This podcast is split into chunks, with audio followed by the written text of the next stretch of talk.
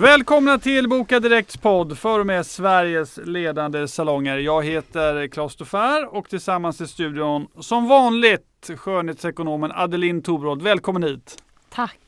Hur har din skönhetsvecka varit Adeline?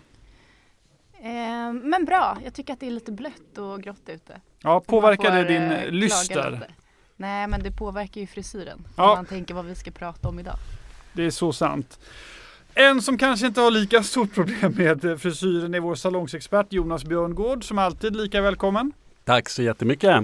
Vad är status för dig denna vecka? Är det regnet också? Ja, men jag har eh, rosor på kinderna efter att ha skottat fram min bil som för en dag sedan såg ut som en snöhög. Men nu är snön nästan borta.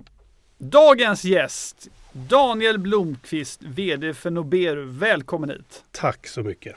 Sa jag rätt nu då? Det var helt rätt. Vilka varianter har du hört på Noberu? Det borde inte vara så svårt. Nej, men det är väl oftast då det blir fel. Ja, Man tror, för eftersom det inte är ett svenskt ord eh, så har vi hört allt ifrån det från Nöbero till Noberu till, ja, ja, det är ganska nära men ändå lite tokigt.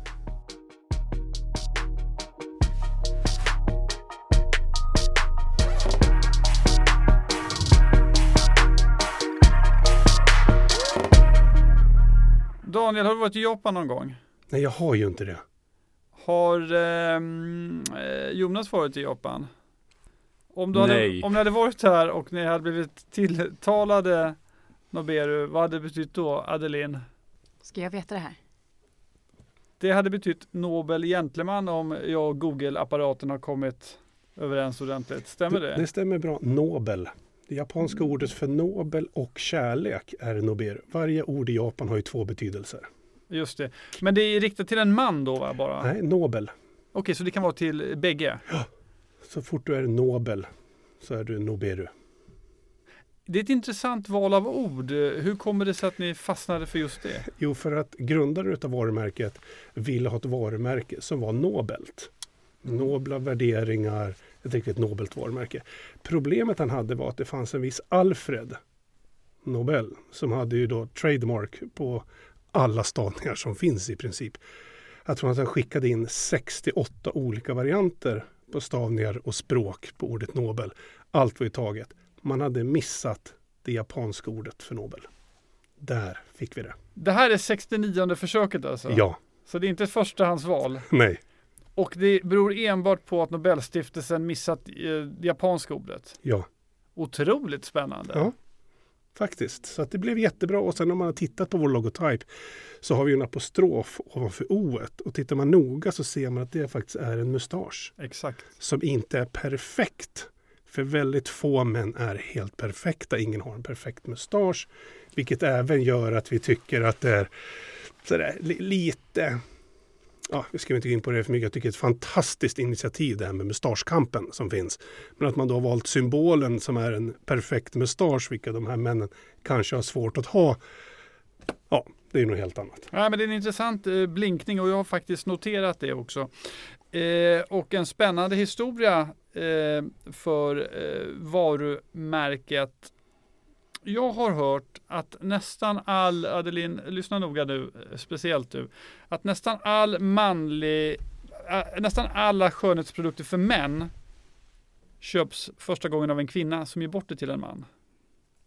Jag har också hört det. Jag tycker att det låter eh, ganska knäppt. Men det kanske är så. Jag Försöker liksom tänka själv att det ofta börjar med kanske att en kille testar någonting som hans tjej eller fru eller partner, vem det nu är, har. Eh, att det kan vara en ingångssteg. Men jag vet inte. Nobru är ju just skönhetsprodukter för män. Daniel, är det så att er målgrupp är kvinnor? Man ska säga så här att när varumärket grundades så var det ett rent barberarvarumärke. Över tiden så har varumärket tagit en ganska stor förändring. Så vi är idag faktiskt ett utav få, kanske det enda varumärkena i världen som är unisexa med fokus på herr.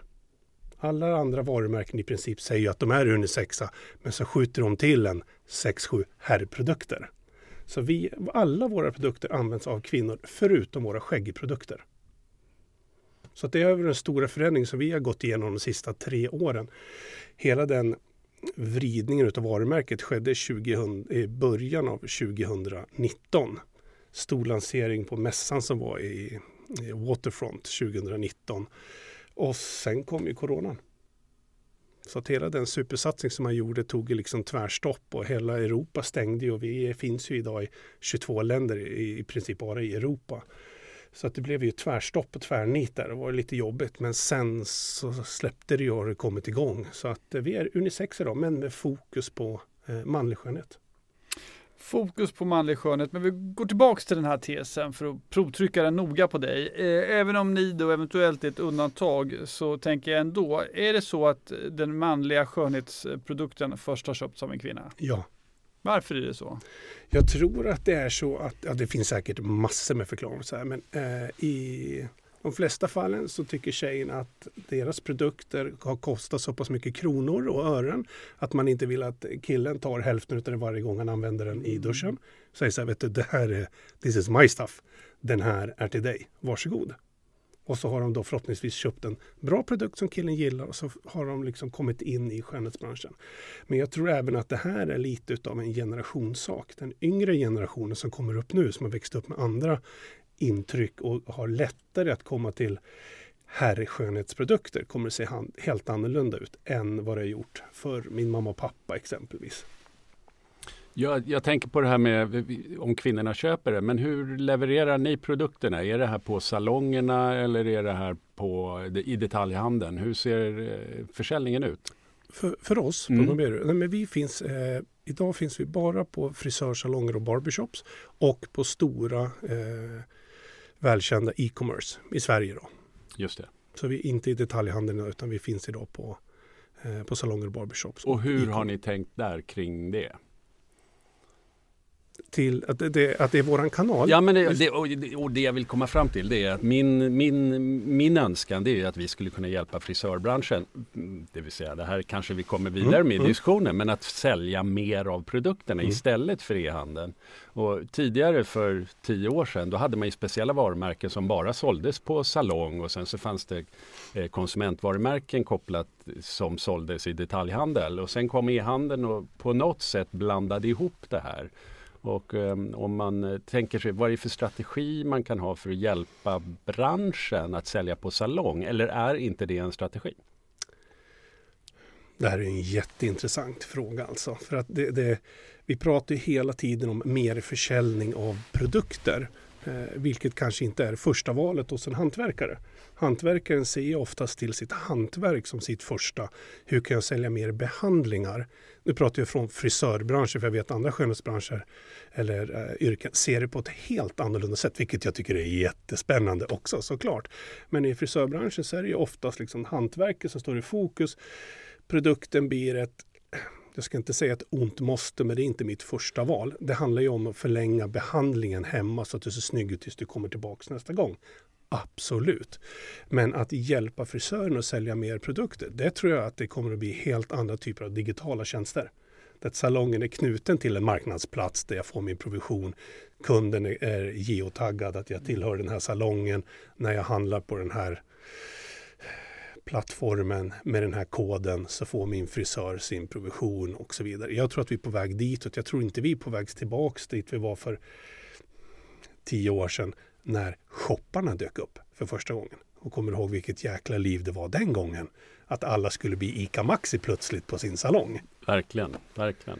Så, så att allting liksom och frisörer är ju verkligen sånt, så fort man pratar om yrken som jobbar med trender och influenser, vad det är som händer, så ser man ju det ganska fort på hur den hantverkaren och den personen reagerar på samhällets utveckling om vi ska ta det så långt. att okay, Hur ser det ut? Så, men allt ska vara lättillgängligt, on demand, här och nu vill jag ha det. Salongen är inte öppet jämt. Vilket gör att liksom, produkterna måste leva sitt eget liv.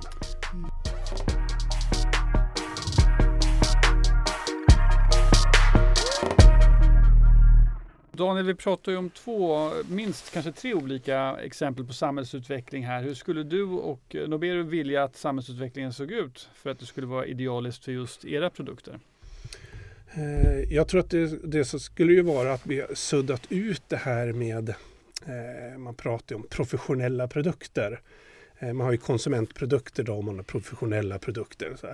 Ett schampo, alltså it bubbles and cleans Mm, i slutändan. Om vi tittar på många andra länder så har vi ju inte den uppdelningen att eh, frisörprodukter bara står på frisörsalonger utan du kan ju hitta dem på Walmart och Tesco och du kan hitta dem på Lafayette. Alltså det, det har redan börjat suddats ut. För jag menar, du behöver inte vara ett, ett supergeni för att köpa ett schampo. Eh, har ett varumärke gjort ett schampo som är så krångligt att det behövs en utbildad hantverkare för att sälja det. Ja, då tror jag att det kommer bli svårt i längden att överleva som varumärke. Men vad du säger egentligen Daniel är att det inte är någon skillnad på produkten. Det är skillnad på sättet man säljer det bara. Ja, det är klart det är skillnad på eh, kvalitet på råvaror vilket gör att schampot kostar 19 spänn eller 300 spänn. Det är vad du får ut av det såklart. Men eh, ska jag köpa ett schampo så är jag på jakt efter ett schampo. Och som varumärkesägare så är man ju intresserad av såklart att finnas på ställen som eh, tilltalar mitt varumärke, profilen vi har som varumärke. Jag kanske inte vill sälja mitt varumärke överallt i hela världen. Utan jag kanske väljer min strategi. Så här, den här typen av varumärken gillar vi som varumärke. De här vill vi hänga med. Sen om jag står på en, eh, en butik som säljer bara regnjackor eller om jag finns på en butik som säljer gud vet vad. Det tror jag vi kommer vara tvungna att vara öppna för som varumärkesägare framöver. Adeline, eh, frisörsalonger säljer som sagt var färre produkter idag än för tio år sedan. Vad tror du? Vi har pratat om det tidigare i den här poddserien. Hur ska man bryta den trenden? Ja, alltså det är såklart. Jag tänker att det måste vara en jättestor utmaning med e-handeln och eh, den lättillgängligheten och ofta de lägre priserna som det innebär. Och det är frågan om man ska in där och tampas som frisör eller inte. Tror du att den marg är, marginalen för stor? Alltså, är de för giriga frisörerna tror du när det kommer till eh, påslag? Eller är det här de kan göra? Jonas, vad tror du, du säsongsexpert? Nej, men jag tänker mig lite så här som Daniel öppnade med att jag tror att det kanske är så att själva processen blir lite annorlunda. Att leverantören står för eh, ska säga, marknadsplatserna och var, var, var varumärket ska finnas. Och sen om man som salong vill koppla sig till den processen så kanske man kan göra det på ett annat sätt. Det vill säga eh, rekommenda men, men vi kan säga det, om, om man bortser från digitalisering och den förändring som de nya infrastrukturerna innebär om man ska förenkla det på det sättet. Så är jag fortfarande förvånad över att det är färre och färre frisörer som med sin erfarenhet och kunskap inte rekommenderar mer produkter. Eh, och, den rekommendationen, om den sker över disk att man levererar en, eller en, en, en, ett schampo eller om den sker genom att man ger någon en länk eller om man har ett samarbete med någon. Det, det, är ju, det får ju den nya infrastrukturen ta hand om. Men den här rekommendationen, varför den har försvunnit det, det har jag svårt att se. säljarbetet egentligen. Ja, men, och det är ju, det är ju liksom min er, erfarenhet, kunskap och utbildning ska mm. ju kunna säga att det här håret behöver den här produkten. Också kanske något du betalar för som ingår i... Eh, man, som konsument tycker jag att man borde förvänta sig den. Liksom, och det är den jag ifrågasätter. Ja, absolut. Ja, men som vi sa tidigare, det är ju halva, halva grejen med att vara frisör är ju att se till att du är snygg tills vi ses nästa gång sämsta reklam jag kan ha för mitt varumärke som frisör, det är att mina kunder ser för jäkligt ut efter första tvätten. Just det. det. det. är ingen bra reklam för mig som mitt varumärke. Man borde ha en sån här liten lapp i håret där det står vem det är som har Made fixat. By. Made by. ja. Mm. Mm. ja. Det, det kommer nog.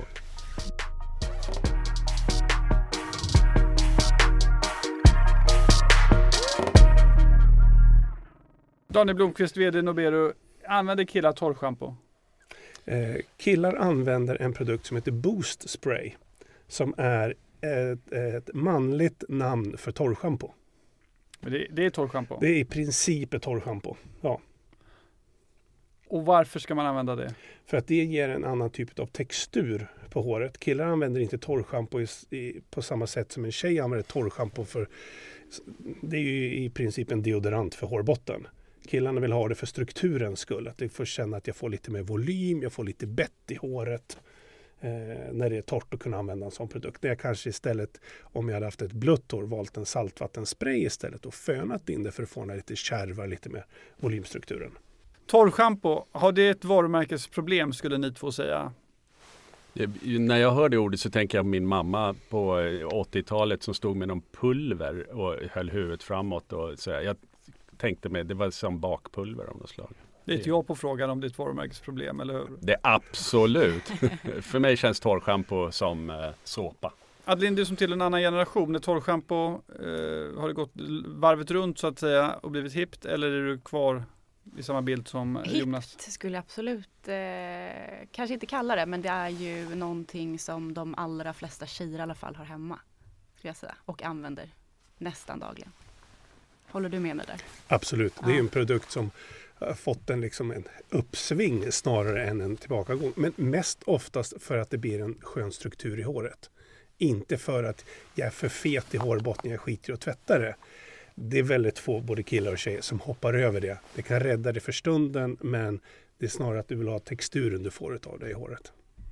Säger alltså Daniel Blomqvist, VD på Nobero, som drömmer om att finnas på Harrods, men grundades i Borås. Hur fan ska ni lyckas med det Daniel? Ja, alltså det där var ju faktiskt ett, uttalande som gjordes när man grundade varumärket. Jag har ju valt just nu då att hoppa över UK.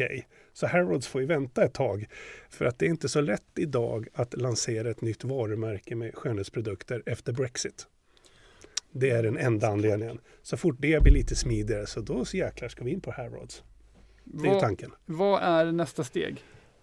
Eh, Nästa steg för oss det är att börja etablera oss utanför Europa. Så vi har ju medvetet valt att satsa bara på Europa de första åren med expansionen. Och eh, 20, det ser ut som 2025 då börjar vi kliva utanför Europa.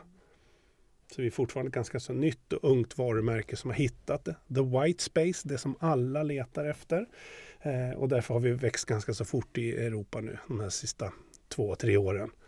Så nu måste vi förvalta, förädla det vi gör och sen kliva vidare. Vi måste hinna med internt också och växa. Det måste ni göra naturligtvis. Om du berättar lite grann om ert varumärke i siffror. Vad är, vilken omsättning siktar ni på härnäst? Eh, alltså 2024 så ska vi närma oss 30 miljoner i omsättning. Eh, och vi har en, haft en stadig tillväxt nu på mellan 35 och 40 procent år för år. Även med eh, coronan. Så att det är ju tack vare att vi har hittat, Snyggt. ett, mm, vi har hittat ett segment i branschen där det inte fanns några produkter. Varför fanns det inga produkter i det segmentet? Eh, Det är för att den, som vi alla vet, den senaste trenden inom herrprodukter som har kommit har ju varit extremt barberar eh, fokuserad produkt. Alltså så här, överdrivet macho. Det är dödskallar och det är björnar och apor och tatueringar, Harley Davidsons och sprit. Och, och en vanlig kille som jag, jag vill bara ha en snygg jäkla produkt som doftar gott i en vettig prisklass. Du, du ser ut som en sån här Björn Harley Davidson kille tycker jag. Jack Daniels kille. Ja, Visst gör han det? Det är en Verkligen. komplimang. Ja, Till tack. supersnygg. Men för Jonas däremot, han söker nog det som är lite metrosexuella touchar. Men, men ni har inga gröna förpackningar så det faller på det. liksom. Exakt, det måste vara Mm. grönt. Okej, Innehållet klassas ju som grönt. Det kanske inte räcker. Ja, men Nej. det kanske är så. Ja. Men jag tycker det är intressant eh, det här med du pratar om white space. eh, För ehm, jag vill ju dra det här ett, en nivå till. Komma, vi, det som är intressant för oss det är att vi jobbar ju inte bara med frisörbranschen Nej. utan vi jobbar med andra branscher också. Och alla branscher har ju sina utmaningar. Ehm, Det som eh, frisörbranschen har lyckats med i förhållande till våra andra branscher inom skönhet det är just att hitta varumärken och hitta salonger som vänder sig mer mot män och med Barber 100% män. Eh, Men eh, på skönhetssidan, på hudsidan och så vidare, där är ju män fortfarande totalt white space. Absolut. Det finns Eh. säkert en del, men det är inte många procent. Och, men du pratade lite om att innan, innan så pratade du lite om att på många barbersalonger så har man börjat ska vi säga, tillföra det som väldigt många hudsalonger tillför till kvinnorna och att man gör det på barbersalonger. Hur ser du den utvecklingen i förhållande till traditionell frisör bara? Nej, men jag eh, måste ju säga det att sen jag kom in i barberarkulturen, för att även fast jag har varit frisör sedan 93, vilket är ett tag sedan idag, så när jag kom in på Nobero och började liksom verkligen på djupet komma in i barberarkulturen, så är ju de extremt skickliga på merförsäljning av eh, extra behandlingar som har blivit en del av deras kultur, som inte görs på en unisex-salong som har jättemycket herrar. Så de har varit väldigt duktiga på, återigen, att jobba med hantverket som fokus, inte produkterna. Och vad, och vad tänker du på för tjänster då? Och det är ju allt ifrån, eh, de har ju de här eh, ångmaskinerna för att göra liksom porrensningar, sätter på sådana här band över näsan och rensar, vaxning både öron och näsa. Jag har börjat fått vax ovanför min skägglinje. Alltså det är en helt annan upplevelse att gå till en eh, salong och klippa sitt hår och få det där som alla i skönhetsbranschen pratar om. Oavsett sådär, vi är våra kunder, det där lilla extra. Det pratar ju alla om, står på alla hemsidor. Sen är bara frågan, gör vi det? Vad är det för någonting? Men det måste jag säga att barberarkulturen har varit väldigt duktiga på att anamma allt som de kan göra medan kunden är på plats. Jag tycker det är jätteintressant för det innebär, jag har ju pratat mycket om att jag tror att ska säga, salongerna kommer att utvecklas åt det hållet att de erbjuder fler tjänster och då tänker jag mig att en traditionell frisörsalong anställer en hudterapeut. Men det du säger är egentligen att det här har ju varit frisör eller barberare då som har utvecklats och levererar de här typen av tjänster utan att integrera en hudterapeut i det. Ja, men precis, förlåt jag avbryter. Man kan säga så här eh, att nästan varenda frisörsalong i Sverige som är en unisex-salong, säger vi inte barbershop utan unisex-salong. Jag skulle vilja säga att de har någonstans mellan 30 och 40 procent av sin kundstock är män. Fokusen är oftast på tjejerna, på färgbehandlingarna, färgtekniker och så vidare. Och så har man killarna som man vet, han är världens bästa kund. Han kommer var fjärde vecka, klipper sig, kanske köper ett schampo ibland. Pengarna bara rullar in. Men mitt fokus på min verksamhet har varit på mina tjejer, för jag är kanske tjej själv och tycker att färg är jätteroligt. Men alla salonger som vi pratar med nu, nu när vi är inne på unisexmarknaden, när vi väl får dem att analysera sitt, eh, sitt kundregister så är det minst 30% herrar som är extremt underutvecklad kundgrupp då hos dem. Både produktförsäljningsmässigt men även då som vi är inne på nu eh, behandlingsmässigt. Adeline, vad beror det här på tror du? En bra fråga. Alltså vi pratade ju om samma grej egentligen med Frida som var här. Eh, nu hade hon perspektivet från nagelbranschen men att det är väldigt tydligt att det inte är någon som har riktigt vågat ta sig an eh, det manliga segmentet. Det finns inga manliga nagelsalonger till exempel. Eh, vet inte om det ligger liksom någonting i oss att vi är vana vid att det är kvinnor som vill ha de här extra typerna av behandlingar. Eh, och att man tror att det är där man ska lägga sitt fokus. Men mycket går emot det eftersom allt det du säger här visar ju på någonting annat. När vi, när vi pratade med, med eh, hudterapeuter tidigare, i tidigare avsnitt då pratade jag om att det berodde till stor del på att hudterapeuter var kvinnor och att det var liksom orsaken. Om vi kunde få in fler utövare som var män så skulle mål, de vända sig mot män också. Det skulle kännas mer naturligt. Men en följdfråga på det här med produktutveckling, produktförsäljning då, om jag vill ta tillbaka det. Jag tror ju att det är lättare att sälja på män mer försälja på män än vad det är på kvinnor. Framförallt när det gäller produkter. Om du som frisör ställer fram en flaska och säger det här, det här, det här bör du köpa med dig också. Då tror jag det är lättare att, man, att mannen säger ja men jättebra, tack, schysst. Och så köper de det och så tar de mer än om man sälj, försöker sälja på de här produkterna på en kvinna. Hur ser du på den? Varför tror du att det är någon skillnad? Jag tror att män... Eh, shit vad jag låter. Kör. Oj, oj, oj, målar du in dig oj, nu, eh, Fortsätt att gräv, se vad djupare ut. Om Kalle och. Klara, mina barn, lyssnar på det här, så, så, ta det här för vad det är. Det är en grov generalisering. Men min, jag, jag upplever i alla fall att jag är mindre kritisk, eller rättare sagt, jag kanske är mer eh, så här, om någon väljer någonting åt mig och jag litar på den personen så, så är jag mindre benägen att och, och, kritiskt ifrågasätta det. Utan det, jag blir glad när någon erbjuder mig det. Och jag tror det känns som att, att, att det är lättare att göra. Men Adeline, sälja en skulle- schampoflaska till en kille. Adeline blir ledsen då helt enkelt. Jag blir förbannad när jag blir Ja, bra. Bra. Bra. Nej jag vet inte, jag skulle nog också säga att jag uppskattar det väldigt mycket. Trots att jag är kvinna. Ja. Det, Men det vi tror jag också. Men jag tror att. Jonas Det, är men det jag möjligtvis menar det är att Mm. det kanske är så att kvinnorna redan har gjort sina val och följer sina produkter och har sina rutiner medan en kille har ju inte det än. Det kanske är dit jag vill Mm. nå det då. Att killarna behöver den här rekommendationen och de, vi har inte börjat sälja på det. Om tio år så kanske är, är vi lika upplysta som kvinnorna och har valt våra varumärken. Jonas, eh, Jonas Björngård, jag ska rädda dig ur den här eh, fällan. Tack. Och eh, Daniel Blomqvist, du var tidigare på Frisörföretagarna som kommersiell chef. Apropå just det här med mervärde, är det etiskt riktigt att eh, erbjuda sprit eller alkohol till sina kunder på salongerna? Alltså det finns ju inget trevligare än att få sätta sig någonstans där man mår bra och få ett glas bubbel i handen såklart. Sen är ju det helt fel enligt svenska lagen. Har du inget alkoholtillstånd att servera, det är, det är ju nästan ett värre straff än att inte betala skatten idag, höll jag på att säga. Det, det är det ju. Så att eh, svaret blir ju så här, nej vi får inte servera alkohol på besök. Många salonger gör det här ändå.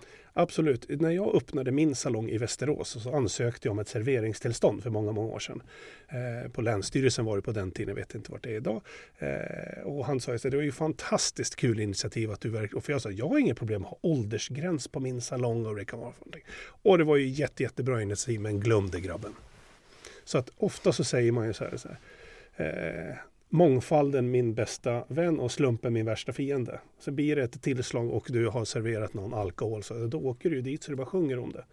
Risken att det händer i Stockholm är ju minimal för det är jättemycket folk och det finns typ en person på tillsynsmyndigheten. Eh, bor i en mindre stad och då vet alla att på fredagar får man vin på salong där. Mm, då kanske det är värre. Nej men jag tänkte bara, jag tänkte bara sticka in där. Jag tycker det är jättespännande. Vi pratade med Frida Sölkörk eh, angående naglar här tidigare och då pratade jag om att eh, eventuellt skulle då naglar kunna bli ett komplement på en traditionell frisörsalong eller något sånt där. Medan Frida tänkte att nej, det tror hon inte. Hon såg sig mer som en accessoar eller accessoar beroende på om man lyssnar på programmet Stil eller inte. Eh, och hon hellre var förknippad med modesidan och kanske skulle finnas på klädaffärer istället.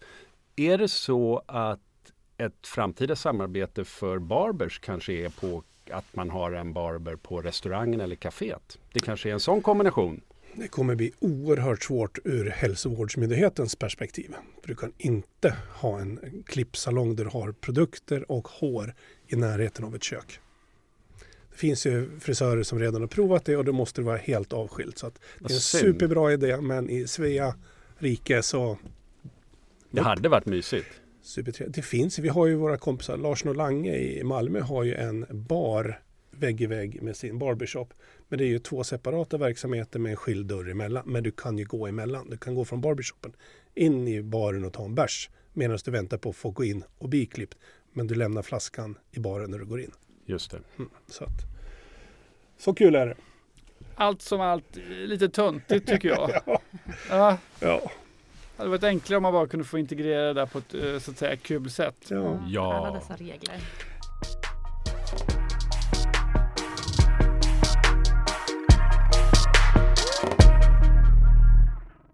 Det här då Daniel, måste frisörer utbildas bättre i försäljning tror du? Och måste man göra det redan på yrkesutbildningen?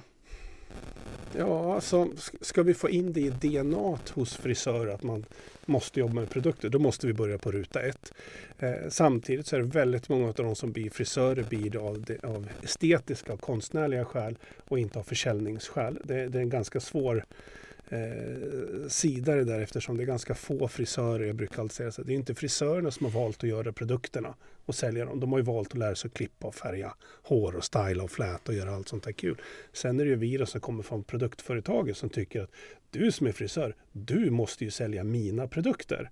Så där måste ju vi som produktägare vara ganska ödmjuka inför det. Och så som du säger, det, så, så är det säkert med all sannolikhet. Men samtidigt om du skulle öka deras eh, försäljning och vinst så finns det ju inget som motsätter det, antar jag. Absolut inte. Vad kan Boka Direkt göra? Jag tror att vi kan göra jättemycket. Allt ifrån eh, så som vi gör, att vi i våra, ska säga, kopplat när man, när man, tar, när man har, har sin kund, kunden har bokat och man tar kunden till kassan så har ju vi utvecklat systemet att man ser kundens senaste köp till exempel och då kan man som frisör väldigt lätt se att tidigare och tidigare köpte du den här, nu blir du produkten och eh, har, är den slut, eh, vill du köpa mer och så vidare. Men jag tror också att vi tillsammans med Daniel skulle kunna utveckla ett system där vi förenklade stora delar av administrationen av de här sakerna. Det vill säga när man har ett lager av era produkter så ska det vara lättare att hålla koll på lagret, beställa nya prylar och sånt där. Och den typen av mer infrastruktur, administrativa saker, det jobbar vi hela tiden för att förstärka och förenkla. För det är en del av det som blir bökigt med de här produkterna. Där får jag ställa en fråga då till Boka Direkt? Välkommen. Som jag är här. Alltså det, det man strävar efter överallt idag, oavsett vilken bransch vi pratar om, så är det ju abonnemang.